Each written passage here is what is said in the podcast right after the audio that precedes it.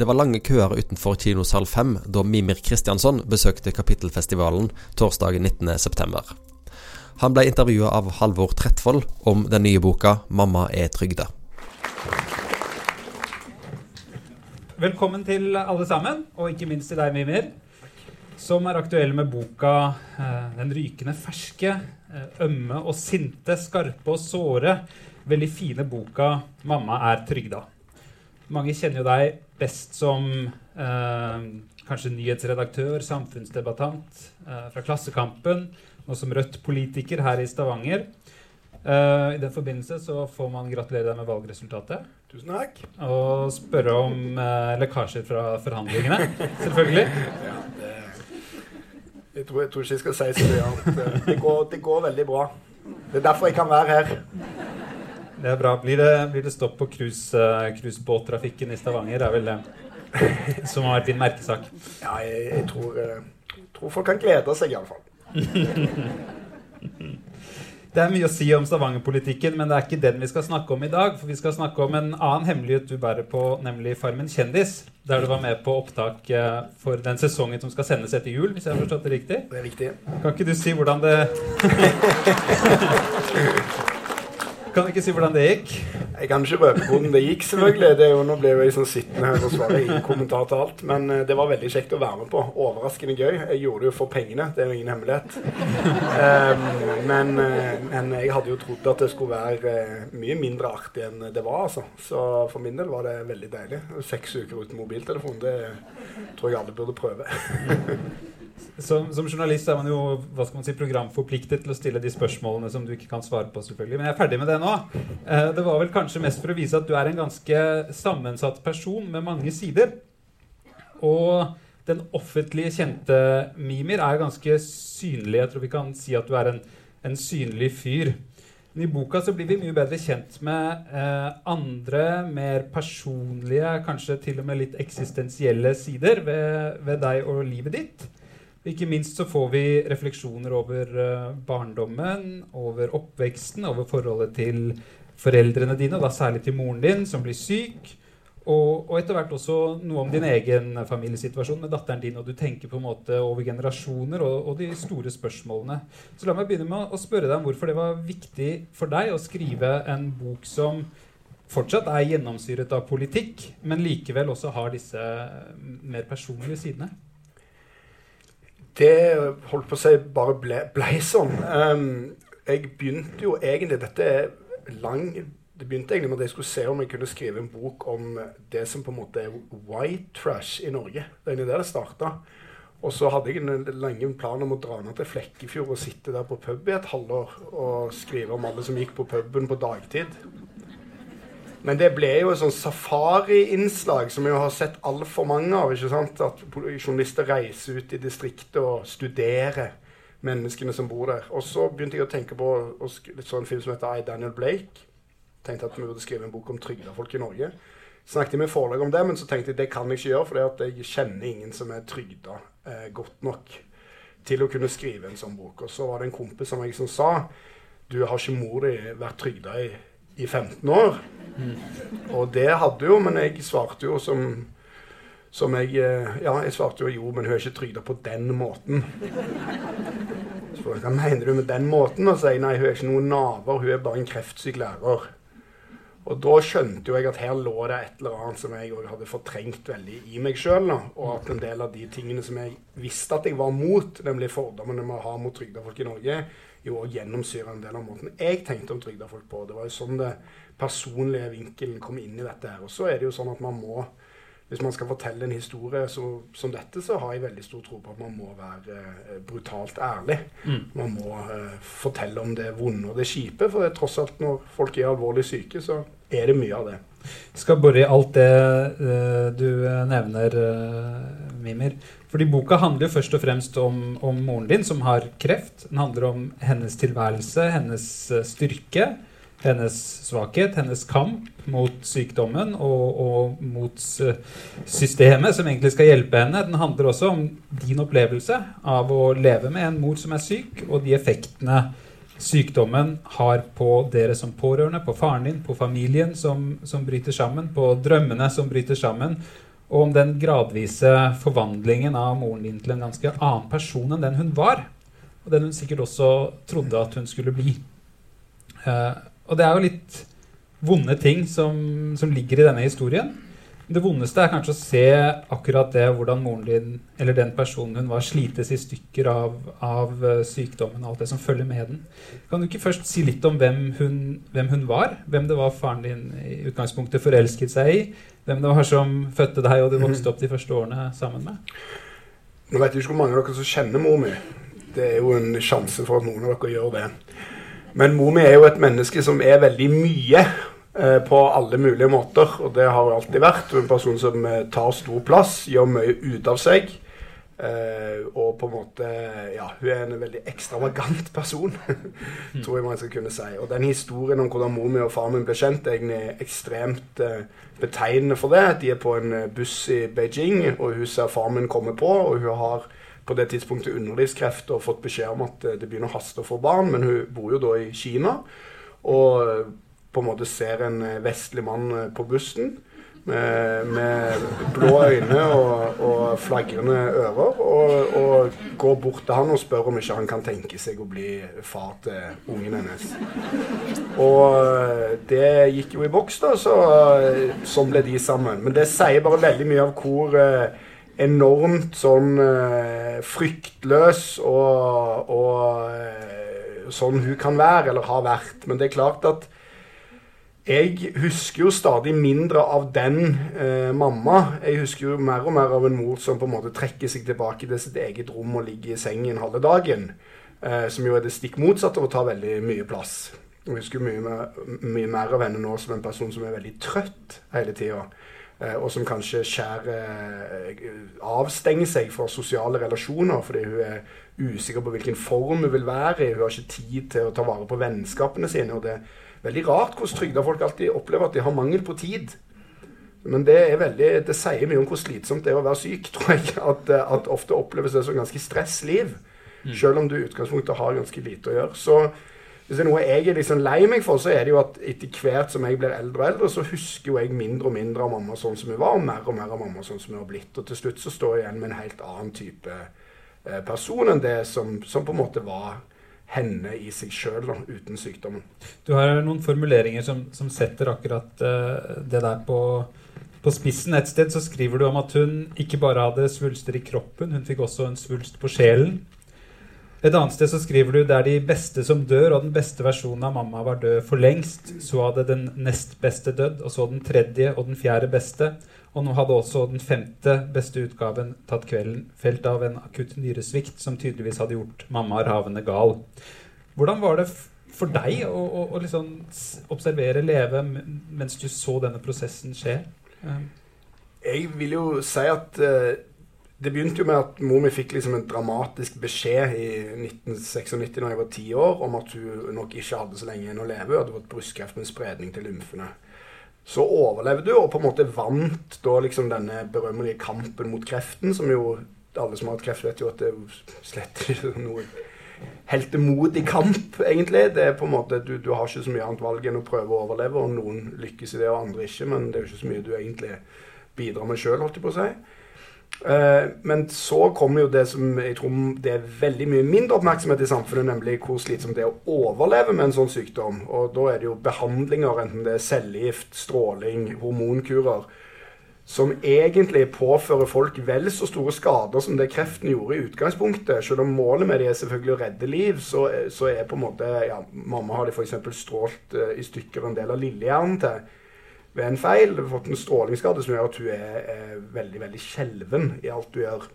Som er veldig ubehagelig for henne og, og, og vanskelig når hun skal ferdes ut. Og, ja, hun er redd for at folk skal tro hun er full og sånne ting, for hun går og skjelver med. Um, men, uh, men, det er klart at uh, for meg så er jo det, det jeg, først, Den første fasen for meg var jo at mamma ble i mye mye mer uberegnelig humør. Så det var mye oftere mye verre å ha med å gjøre. Hun var veldig sur i perioder kunne være helt krakelsk i perioder når hun hadde veldig store smerter. Men etter hvert har jo jeg tatt meg sjøl i å savne de raseriutbruddene mer og mer. fordi at nå føles det jo som om det ikke er alltid så mye kamp igjen i henne. En slags overgang fra det tror du beskriver det som en vulkan ja, til liksom en trøtthet eller en fatigue som er sånn Som er det som har skjedd på det. ja, i, i større grad har skjedd med på en måte nå. Så det er jo veldig ubehagelig å sitte og se på et menneske du er veldig glad i, på en måte svinne hen bit for bit. og ikke minst er det jo fordi det er jo så håpløst. altså Det er jo, det, det er jo noe av det verste for, for mamma, tror jeg òg, og for sikkert andre som er, har opplevd alvorlig sykdom, at dette blir jo ikke noe bedre. Sant? Det er jo ikke så mye håp om at liksom, ting skal ta seg opp. Det er bare gradvis litt og litt forverring helt fram til hun en dag dør. Eh, og det er jo en veldig deprimerende tanke som gjør det ganske vanskelig å holde humøret oppe. da. Mm. Men til tross for at det er et liv som har bydd på mye eh, djevelskap for moren din, hun lever i smerter, tar en masse medisiner hver dag, har eh, disse eh, bivirkningene fra behandlingen og, andre sånne lidelser som, som har fulgt med etter hvert. Eh, og, og eh, på tross av det, at dette selvfølgelig har satt dype spor, så beskriver du også en, en slags kamp for å opprettholde en verdighet, eller en, eh, en fasade, nesten. Kanskje de to tingene er knyttet sammen. Men en, en sånn å være i verden på en måte som ikke bare er sykdommen. Da. Det er noe mer enn det. Um, kan du ikke si litt om, om hvordan den kampen for, for, å opprettholde verdigheten gjennom et sånt ganske tøft sjokk uh, utspiller seg? Og jeg, jeg tror òg at um, hvis mennesker som er syke i Norge, stort sett vil være full av rosenord og lovord om det norske helsevesenet. Det er òg mamma. Og det har ingenting å si om hun har fått en strålingsskade på sykehuset. Hun er ekstremt takknemlig for det fantastiske helsevesenet vi har i Norge, og de menneskene som tross alt har redda livet hennes. Men så er det jo en del ting i samfunnet som ikke alltid er like enkle å takle, som ikke handler om selve sykdommen, som handler om hva slags menneske er det du etter hvert har blitt. Og En veldig åpenbar ting eh, er jo at mamma ikke jobber lenger, og det har hun ikke gjort på det er vel 17 år nå. Og det er vanskelig i det norske samfunnet. Det første spørsmålet man stiller i en samtale med et menneske i Norge, er hva driver du med? Hva jobber du med? Og hvis svaret på det er at du er trygda, så er, er, den samtalen forholdsvis raskt forbi. Da er det ikke mer å snakke om. Eh, og det er klart at for henne, og jeg tror ikke bare for syke, men jeg tror også for veldig mange eldre mennesker, så er den følelsen av å ikke være til nytte ikke kunne bidra verken i livene til de som du har rundt deg, nær familie, men òg i samfunnets store sammenhengen, de er veldig problematiske. Og da oppstår denne trangen eller behovet til å opprettholde en eller annen form for eh, fasade av normalitet. Og det vil jo si at mamma er jo på en måte eh, Hun har jo et behov for at hun skal framstå som hun var, altså som hun ser seg sjøl, som hun ønsker å være. Som jo selvfølgelig er et eh, livskraftig og sterkt menneske. ikke sant? Og så forbeholder jo de om det er raseriutbruddene eller andre problemene, de forbeholder jo til meg. og til de som er, er, nærme, og som på en måte kommer innenfor det, den fasadegreia. Men jeg tror alle mennesker har behov for å opprettholde sånne fasader. Og for å framstille som om ting er i, i 100% i orden. Men det er klart når man er syk og, og utenfor arbeidslivet, så, så, er det jo en del ting som ikke er som det skal være. Og det vil man jo prøve å, dekke over. Da. Det tror jeg er helt naturlig. Ja, det er noen av de såreste passasjene i boka som jeg øh, opplevde det da jeg leste den, er jo et par steder hvor det ikke lykkes. altså Hvor det, hvor det bryter sammen. da, Et uh, besøk på legekontoret hvor hun skal finne fram en lapp hvor det, navnet på de medisinene hun tar, står, og så, og så, finner hun den ikke. og Da blir det veldig vanskelig. Og en annen gang når hun skal ta med noen barn på en trilletur rundt, uh, rundt det hva heter det vannet? Mosvat. Mm. Mm. Um, jeg kan jo bare si Et veldig konkret eksempel på denne fasadetingen er at må vi alltid pynte og sminke seg når vi skal på sykehuset? Uh, hun er veldig opptatt av å se veldig skikkelig og ordentlig ut på sykehuset. Mye mer enn de aller fleste andre steder hun ferdes, selv om hun prøver jo å framstå uh, flott og normal. Men det er i møte med det, da skal hun, her skal det ikke komme noen sånn slabbedask på sykehuset. Her kommer det en flott uh, frue fra Egenes, på en måte. Så det liksom at hun legger så enormt mye i det, syns jeg sier mye om, om, behovet for å dekke over den sykdommen. Mm det, det um, idealet hun, hun, forsøker å leve opp til, har noen litt sånn stavangerske karakteristikker. Uh, kan man kanskje kan man si det sånn? Ja, det tror jeg. ja, altså, mi, Siden vi er i Stavanger, ja, så tenkte jeg at vi skulle få lov til å Nei, mi, si det. Altså, vi er jo fra eh, Øvre Stokkervei, hjørnet av Duesøy. Siste huset på riktig side av Duesøy, som de sa før i tida. Så um, så mor mi er jo vokst opp der, og det huset har vært i familien vår i 100 år. Og for et par generasjoner siden var det en hel del penger i den familien osv. Og, så og mor mi er veldig opptatt av å framstå som en sånn fin frue fra Egenes. da. Det tror jeg man må kunne si. Så hun er veldig opptatt av å liksom ha den type fasade. ikke sant? Og det er jo klart at det er jo i total kollaps med en del av tingene som jo faktisk er situasjonen. Nemlig at mor mi eh, har vært trygda i 17 år og ikke har jobba eller hatt vanlig lønnsinntekt. Eh, eller at hun på sett og vis eh, har behov for enormt mye hjelp og støtte fra velferdsstaten f.eks. Det går ikke helt opp i hop. Så hun er veldig opptatt av, av, den fasaden, og det tror jeg nok er en av de tingene som er, er veldig vanskelig for henne, er når den eh, ja, bryter sammen eller blir pirka i. da. Og det er jo hovedsakelig jeg som pirker han, så det er jo ja, fordi bare du er ikke helt, Du syns ikke så mye om den? Nei, altså jeg syns jo det der er forferdelig flaut, men jeg er jo like pinlig sjøl, for jeg prøver jo sånn å snobbe nedover hele tida. Sånn, så jeg, jeg liksom, Mor mi trekker liksom Hun overdriver på en måte hvor liksom mye penger familien vår har hatt, så prøver jeg alltid å si sånn Nei, det er bare noen vanlige bønder fra inni på Skjermøy og sånn. Så, så, det er liksom Vi drar i helt motsatt retning, da, så der er jo jeg minst like pinlig og, som henne, altså. Men jeg, jeg kan ikke få det. Men er det Fordi du beskriver jo en relasjon til moren din som ikke eh, ikke bare er eh, idyllisk. Altså det er mye friksjon i den. Um, og den er langt fra problemfri. Hun, hun har sine sider. Eh, noe som sikkert er personlighet, noe som er eh, betinget av, av, en situasjon hun har havnet i. Og du har ditt liv i, i Oslo i den perioden som, som mm. beskrives i boka. Eh, ja, du, du, rømmer jo nærmest til og med til Oslo i det du kan etter at videregående er ferdig, for å slippe vekk fra det som barndoms, eh, barndommens rike på en måte ble til. Uh, og, og, og, du forsøker også etter det å holde en viss distanse til, til, det som er igjen i Stavanger, også til moren din. som hva skal man si, Hun vil gjerne ringe og snakke med deg på telefon. Du prøver å, å ha en form for um, Eh, kvote, holdt jeg på å si, eh, på når du svarer og ikke. Og hun syns jo det er, det er uh, ikke så ålreit. Men kan du ikke si litt om, om, hvordan du i den perioden så på det du hadde forlatt? Ja, altså Først og fremst så opplevde jeg det som bare veldig slitsomt. og det er på en måte, dette er sånn vanlig, Jeg syns dette er veldig litt ubehagelig å snakke om, for jeg har veldig dårlig samvittighet for det òg. Altså, det er jo en hel del stress med mor mi. Altså, det er jo Veldig mange ting funker jo ikke som det skal. Altså, sant? De fleste av mine venner Nå begynner jo de å få eldre foreldre, de òg. Altså, men de fleste av mine venner har jo helt fram til nå hatt foreldre som hovedsakelig har vært uh, støtte for de. Sånn at de har kunnet fått hjelp og støtte av foreldrene i andre sammenhenger. Men de foreldrene har vært yrkesaktive, og de har vært uh, friske og raske.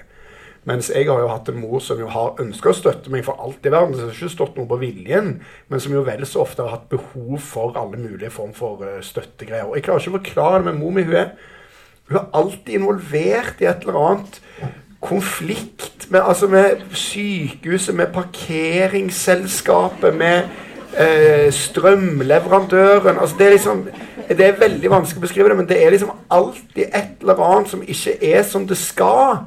Ikke sant? Og jeg tror det kommer av at det grunnleggende i livet er jo ikke som det skal. Sant? Hun har jo ikke en uh, jobb, og hun sitter jo der i et veldig stort, fint hus som hun har arva, som jo virkelig sliter med å holde orden og kontroll på. ikke sant? Og, fordi det er for stort for henne. Nå har jo vi heldigvis nå skal vi flytte i leilighet, og vi skal flytte inn der, så det er vi jo veldig glade for. Men på en måte, det er liksom alltid et eller annet. Sant? Hun klarer ikke å betale regninger i nettbanken, så det må jeg hjelpe med.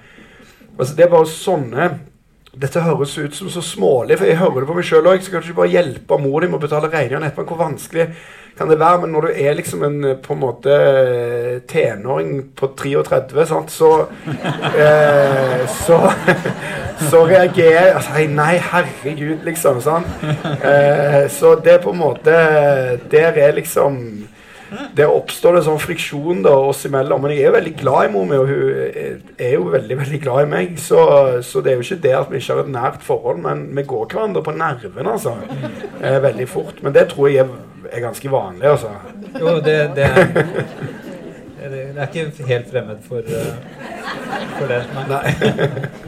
uh, men um, uh, Nei da. Men, men, likevel så vil jeg spørre om, om boka på en, en eller annen måte er også et forsøk på å fra din side på å bearbeide noen av de du snakker om en dårlig samvittighet, noen av de følelsene som du selv har hatt overfor alt det du har kommet fra? Jeg tror det, og det, tror jeg, det skjønte jeg ikke egentlig så mye mens jeg skrev det, som jeg har skjønt det litt etterpå når det har kommet ut. At det handler mer om den holdt på å si, pårørenderelasjonen enn jeg trodde at det gjorde når jeg skrev det.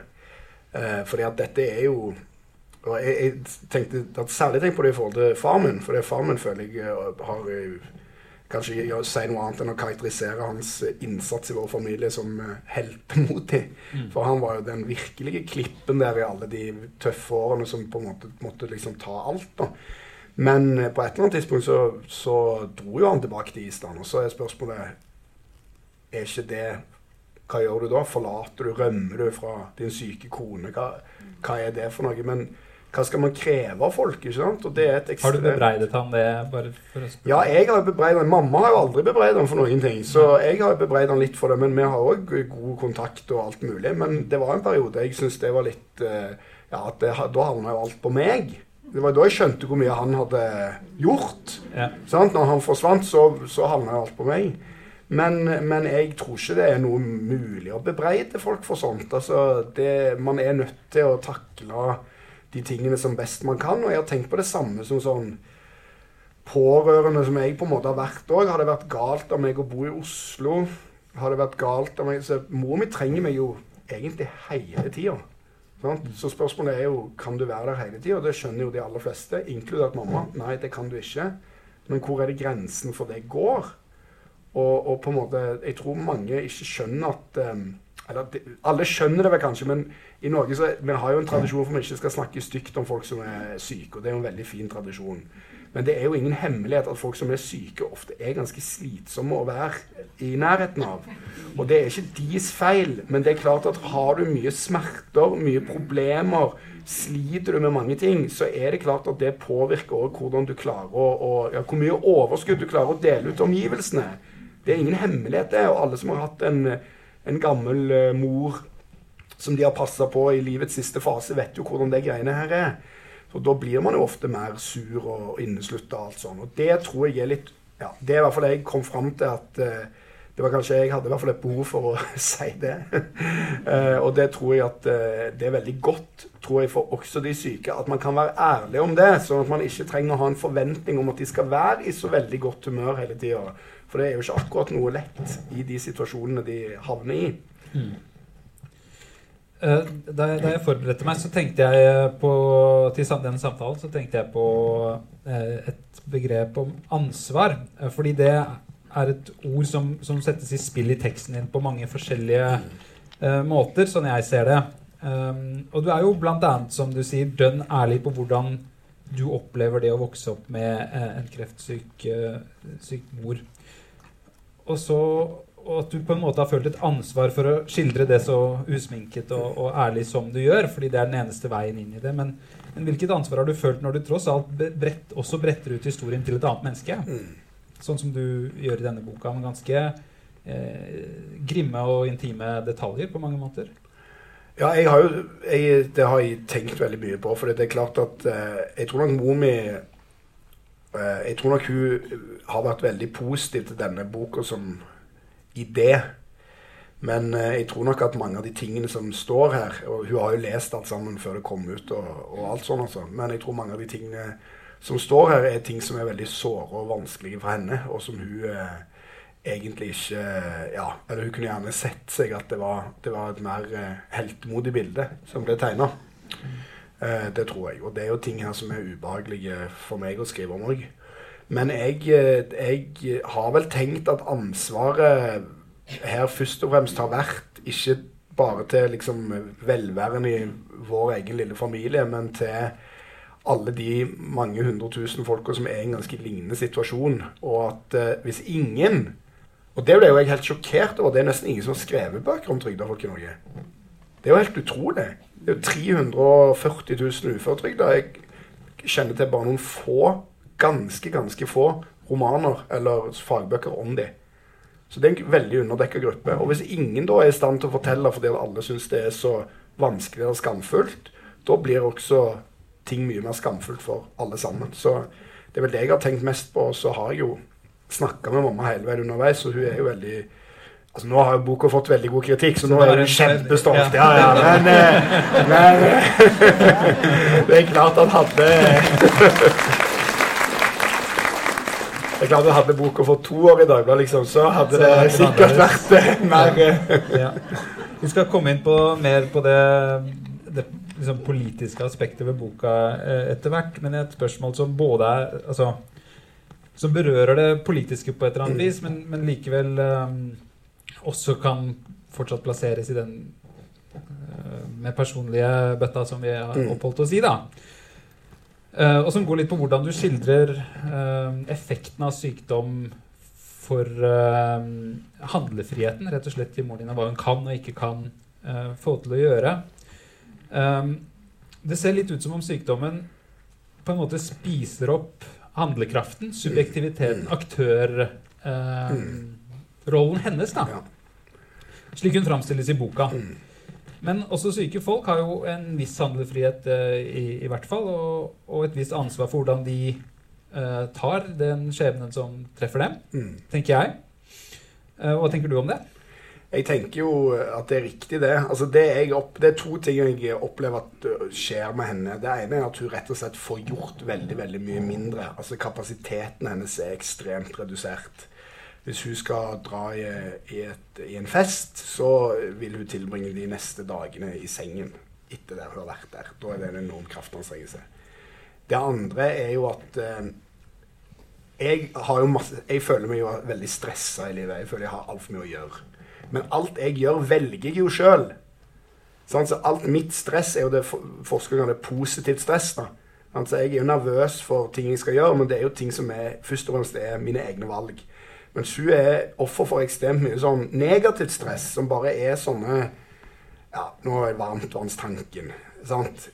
Nå funker ikke den. Og da er det en enorm Sånne ting hele veien. Legebesøk, eh, problemer, smerter, sykdommer. Alle slags sånne eksterne ting som skyller innover henne. Men så har nesten ingen positiv stress i livet sitt. Hun skal egentlig veldig lite eller ingenting. Men jeg tror jo både hun og veldig, veldig mange andre som er syke og uføre fordi de har ødelagt seg på jobb, kunne nok ha levd bedre liv dersom det hadde fantes andre måter å få holdt det på å si, aktivisert dem på. Uh, og det er ikke altså Alle tror jeg som også kjenner folk som er, er langt oppe i åra, vet jo hvor mye livsglede folk får av å gjøre ting. Og jeg, nå har jo vi såpass heldige at vi akkurat Jeg har to år gammel datter. Og det har jo fungert bedre for mor enn jeg tror alle medisiner jeg noensinne har sett. Altså Det får jo så mye liv og lyst i, at det bare går ikke an.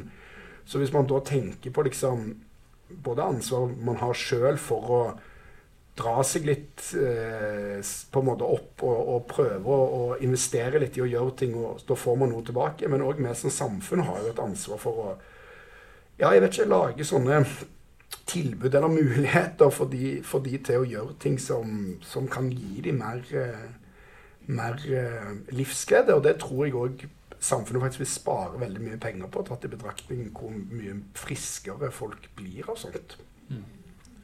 Um, vær så.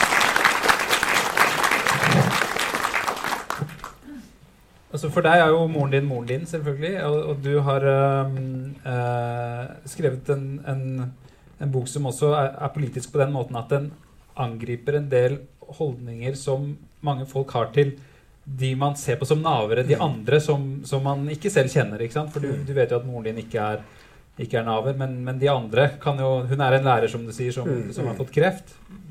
Mens de andre kanskje eh, Du selv også var bitte litt av den den måten å se det på. Men også um, Hvordan skal jeg si dette? Du beskriver jo uh, et menneskeliv her som i ytre trekk har mange av de stereotypiske uh, tingene man tenker på da, rundt? Hun er uh, Hun ser trash-TV, eh, passiv hjemme, Mm. Eh, røyker rød prins, omgås en litt tvilsom fyr hun har møtt på en brun pub.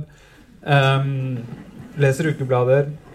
Det er Kardashians og, og, og Kjendisfarmen og, og, og, de tingene der. Ja, ja. Det er viktig, det. Ehm, Eh, og det, vi skal snakke litt mer om, om, om det også ideologisk rundt dette. Mm. hvordan det det er her det kanskje toucher mest innom det du tenkte Ja. på, eller det du sa innledningsvis, om at du egentlig hadde tenkt å skrive en bok om begrepet white trash, eller um, chaws, som det heter i Storbritannia. Altså, Mm. det er noe med smak altså Det er noe med sånn livsstilsdommer og sånn som, eh, som eh, Rødt og, og samfunnsdebattant, eh, journalist Mimir i eh, en eller annen kulturell middelklasse, sym, sym, symboløkonomi, tendensielt kanskje Ja. har sett ned på, da. Absolutt.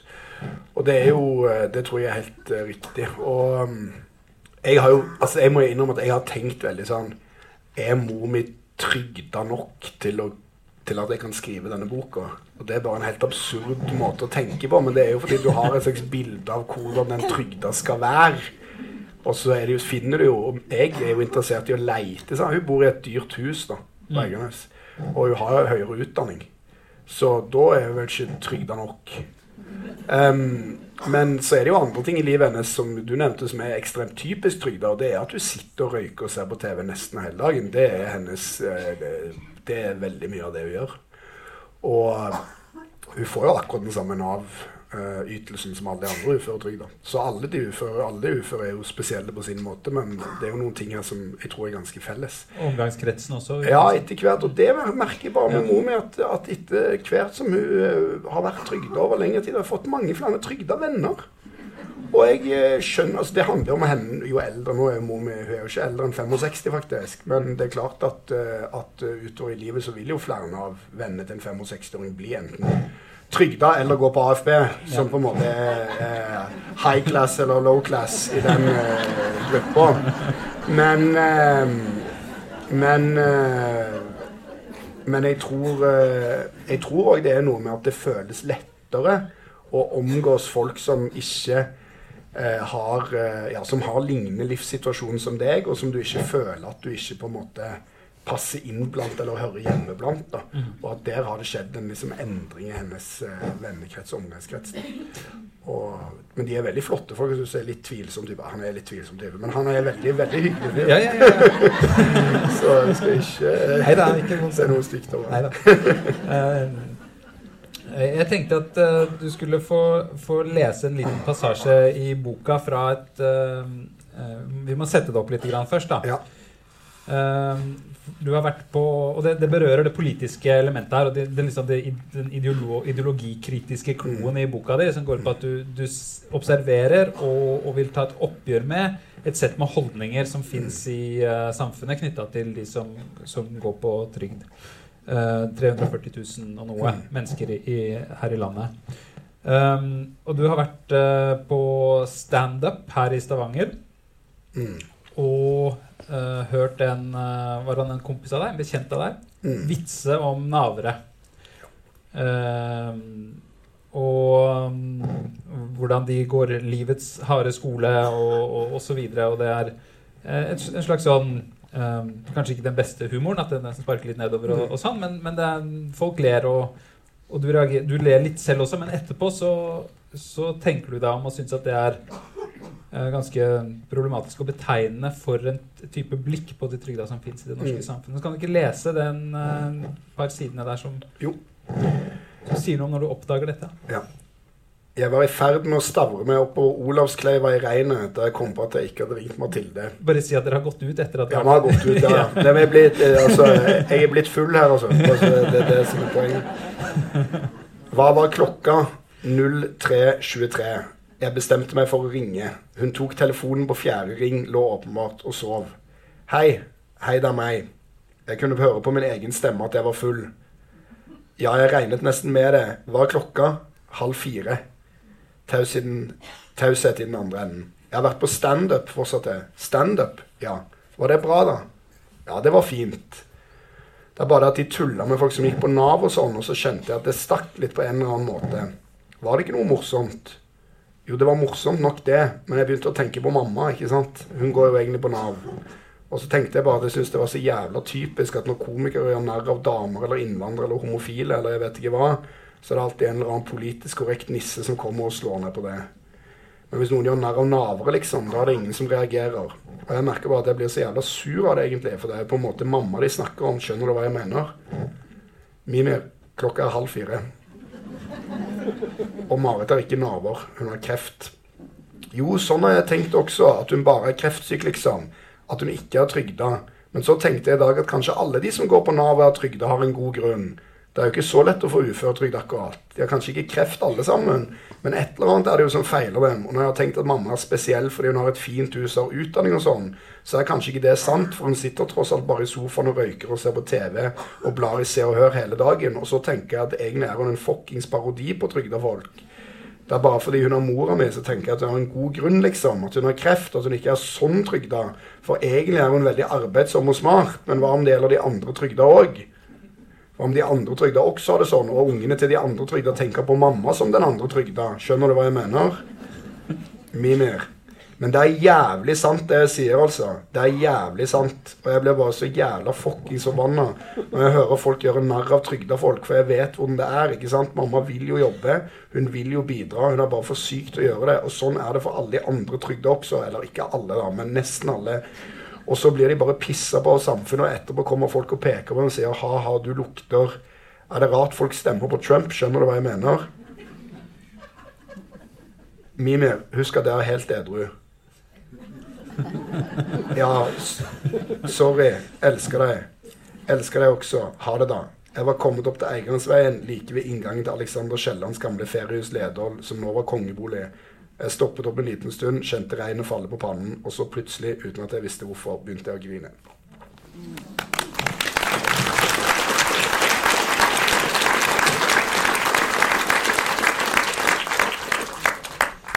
Og det var veldig morsomt, for Jeg spurte Mathilde spesifikt hva er det jeg sier når jeg ringer og har sånne samtaler. For jeg eh, husker jo ikke de konkrete frasene sjøl. Så det sånn Det du veldig ofte sier, er 'Det jeg sier, er jævla sant'. Så det Det er det.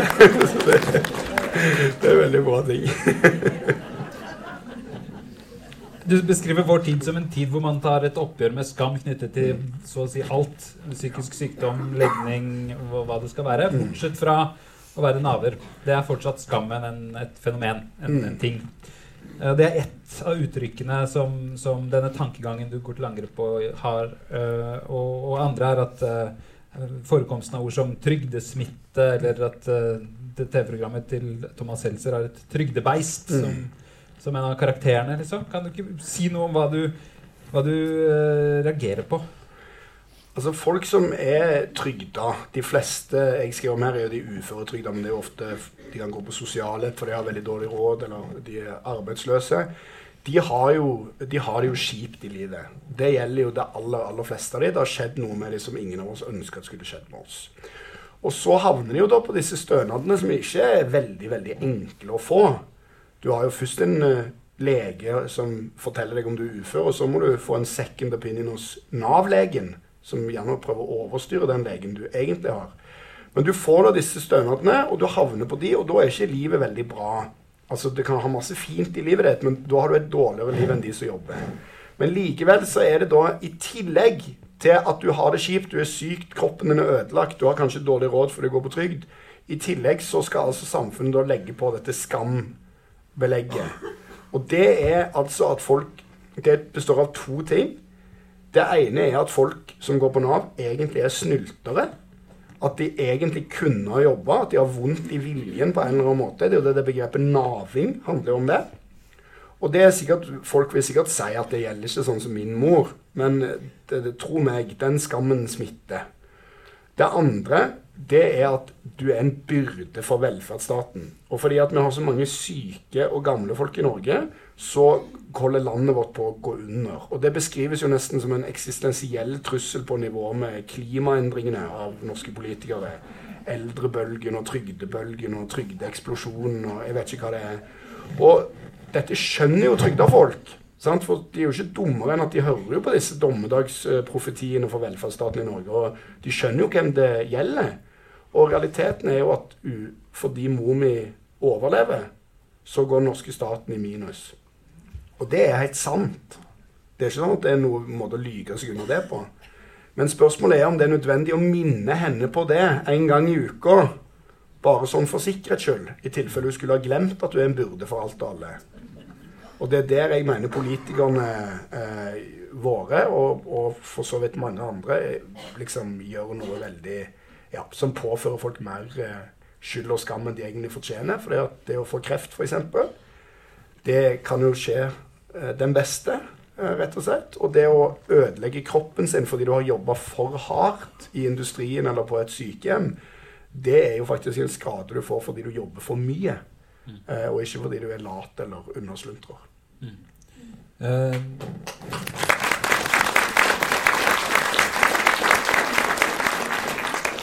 dette er også en, en, du er inne på det, en, altså en rent politisk side. Altså det er en, en bred uh, enighet blant de som i alle fall kalles styringspartiene, og de sentrumspartiene i, i, i Norge, om at det er noen utfordringer med velferdsstatens bærekraft på, på sikt. og så kjører man gjennom dette med arbeidslinja, som går ut på at det skal, det skal ikke lønne seg å gå på trygd osv.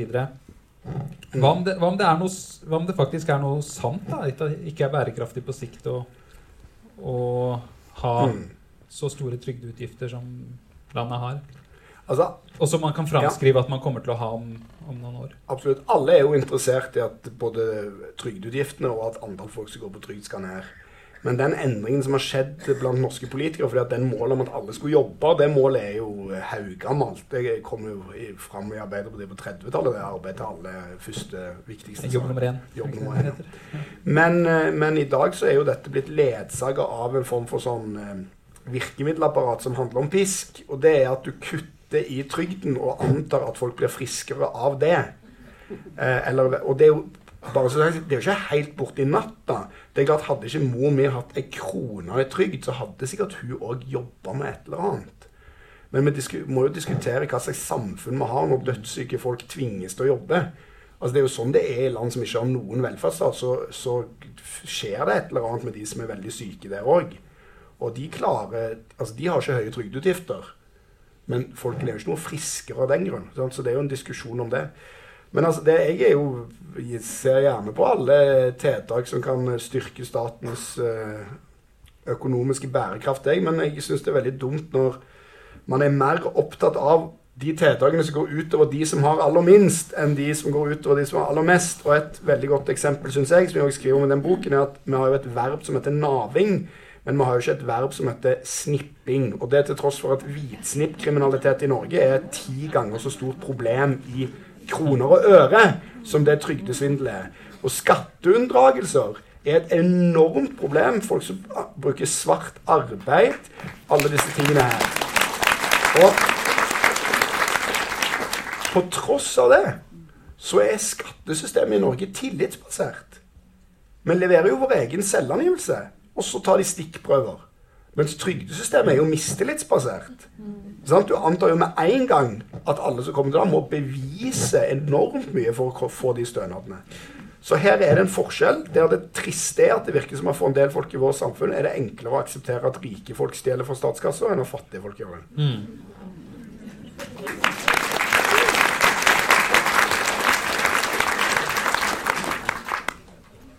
Um, det er en en ideologikritikk av en litt annen type i boka di også. Eh, du skriver nemlig om, om sammenhengen mellom uh, man kan kalle et uh, sosialt statusfall eller en mm. klassereise nedover, og, og, støtte til høyrepopulisme. Eller i USA er jo da eksempelet uh, støtten til Trump. I Norge så det, har det i hvert fall vært sånn at et at trygda folk er overrepresentert i, uh, i Frp sitt, uh, sine, sitt, De som stemmer på Frp. Mm. Uh, mot sine egne interesser, da, på, kan, man, kan, man, si på mange måter, fordi de ikke nødvendigvis vil øke utgiftene til velferdsstaten. og Du skriver et sted at en slik bitterhet finnes også i mammas liv. De som opplever klassefall, sparker som, re, som regel ikke oppover mot dem som bestemmer, de sparker nedover mot dem som er det lille hakket under på samfunnets rangstige. Kriminelle østeuropeiske bander, innvandrere som er påfallende flinke til å få mest mulig ut av det norske trygdesystemet osv. Mm. Hvordan komme ut av, av det her? Hvordan liksom kortslutte den, den, tendensen der? Det er jo et godt spørsmål, men det viktigste er jo å sørge for at ikke grupper i samfunnet um, på en måte opplever den typen klassefall som en del har gjort. da. Norge er jo et mye bedre samfunn på dette. Det var det som er med den White Trash-sammenligningen òg. At i Norge så Selvfølgelig finnes det jo noen som kjører rundt med sørstatsflagg i bilen på lista, liksom. Men det er ikke noen sånne store white trash-sjikt i Norge. Altså Jobber du i Norge, så, så, går, så har du ja, Du er i hvert fall et annet sted enn veldig mange av de som har vært totalmarginalisert i USA, og, og særlig Nord-England. Men felles for de gruppene, som de òg hadde felles med en del av trygdebefolkningen i Norge, er at de har hatt noe bra som har forsvunnet ut av livet deres. Og en annen ting som er felles, som handler om den standup-greia vi snakket om i stad òg, er at dette er en gruppe det er legitimt å gjøre narr av. Og det syns jeg er en veldig fascinerende ting, for uh, dette er jo ikke en, en, veldig sånn Dette er jo en marginalisert gruppe. Og, og en, kanskje også en gruppe som, hvis man kan kalle, snakke om det, som kulturmiddelklassen litt sånn ubetenksomt ja. ser ned på. Ja. ikke sant? Og, og, i den boken som heter 'Chavs', som handler om, om, en tilsvarende type gruppe arbeiderklasse ungdom i England som nå er arbeidsløse pga. industrijobber som har forsvunnet, så beskriver jo forfatteren hvordan han havner i en middag der folk i hans ekstremt politisk korrekte vennekrets sitter og ler av på verst mulig vis denne sosialt marginaliserte gruppen. Og jeg kan jo si at jeg òg opplever jo at det i min vennekrets er fritt fram for å gjøre mer av rettskrivingen til folk i et kommentarfelt hvis de mener det samme som Frp. Men hva er det egentlig, hvor moro er det egentlig å gjøre narr av folk som er ordblinde? Egentlig. Dette er jo også det mest politisk korrekte sjiktet i Norge, som sitter og, og ler og, og godter seg over de. Så det er oppstått en idé om at en del av disse folka her, de er det lov å på en måte harselere med og gjøre narr av. Og det syns jeg er veldig ubehagelig. Men jeg vet ikke hva man skal gjøre med dette, annet enn at det er jo, man må vokte seg for å havne i en situasjon hvor store deler av befolkningen går bakover. Altså hvor de mister eh, lønnsinntekter, trygge jobber eh, osv. Mm. Det er mye Altså det er ekstremt farlig. og de fattige, de som er fattige hele livet, de kjenner ofte ikke noe annet enn fattigdommen. Og, og, det er veldig synd, selvfølgelig. Mens de gruppene som er sånn i fritt fall, det er ofte mye farligere grupper for samfunnet. For det at de er ofte ganske sånn desperate og bitre. Og der er jo Trumps velgere synes jeg, et veldig godt eksempel. De har hatt det bitte litt bedre enn svarte folk i USA før. Nå får de det gradvis verre, og de er helt rasende. Mm. Så det er på en måte en, en ja, ja, og, Hillary Clintons beskrivelse av det som basket of deplorable selvfølgelig da et eksempel ja. på den måten å forholde seg til det som ikke er Ja, det er helt så, så egentlig helt uhørt at noen som slags form for sentrum-venstre-politiker skal kunne beskrive et samfunnsskikt med folk som har dårlig lønn og dårlig utdanning, som forkastelige mennesker. Det er, det er så bakvendt at det knapt eh, går an. Skal vi etter hvert eh, nærme oss uh, en form for, for landing her? Du, du, snakket litt om det, og, det huset mm. som du har vokst opp i. Og som, det er en trapp der hvor alle, det er fem generasjoner i mm. slekta som har bodd der.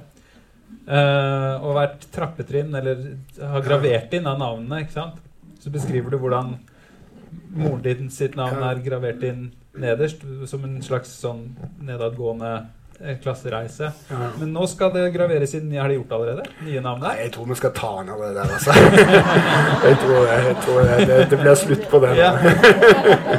Fordi du har, du har jo selvfølgelig da flytta hjem, ikke sant? Ja, ja. Mm.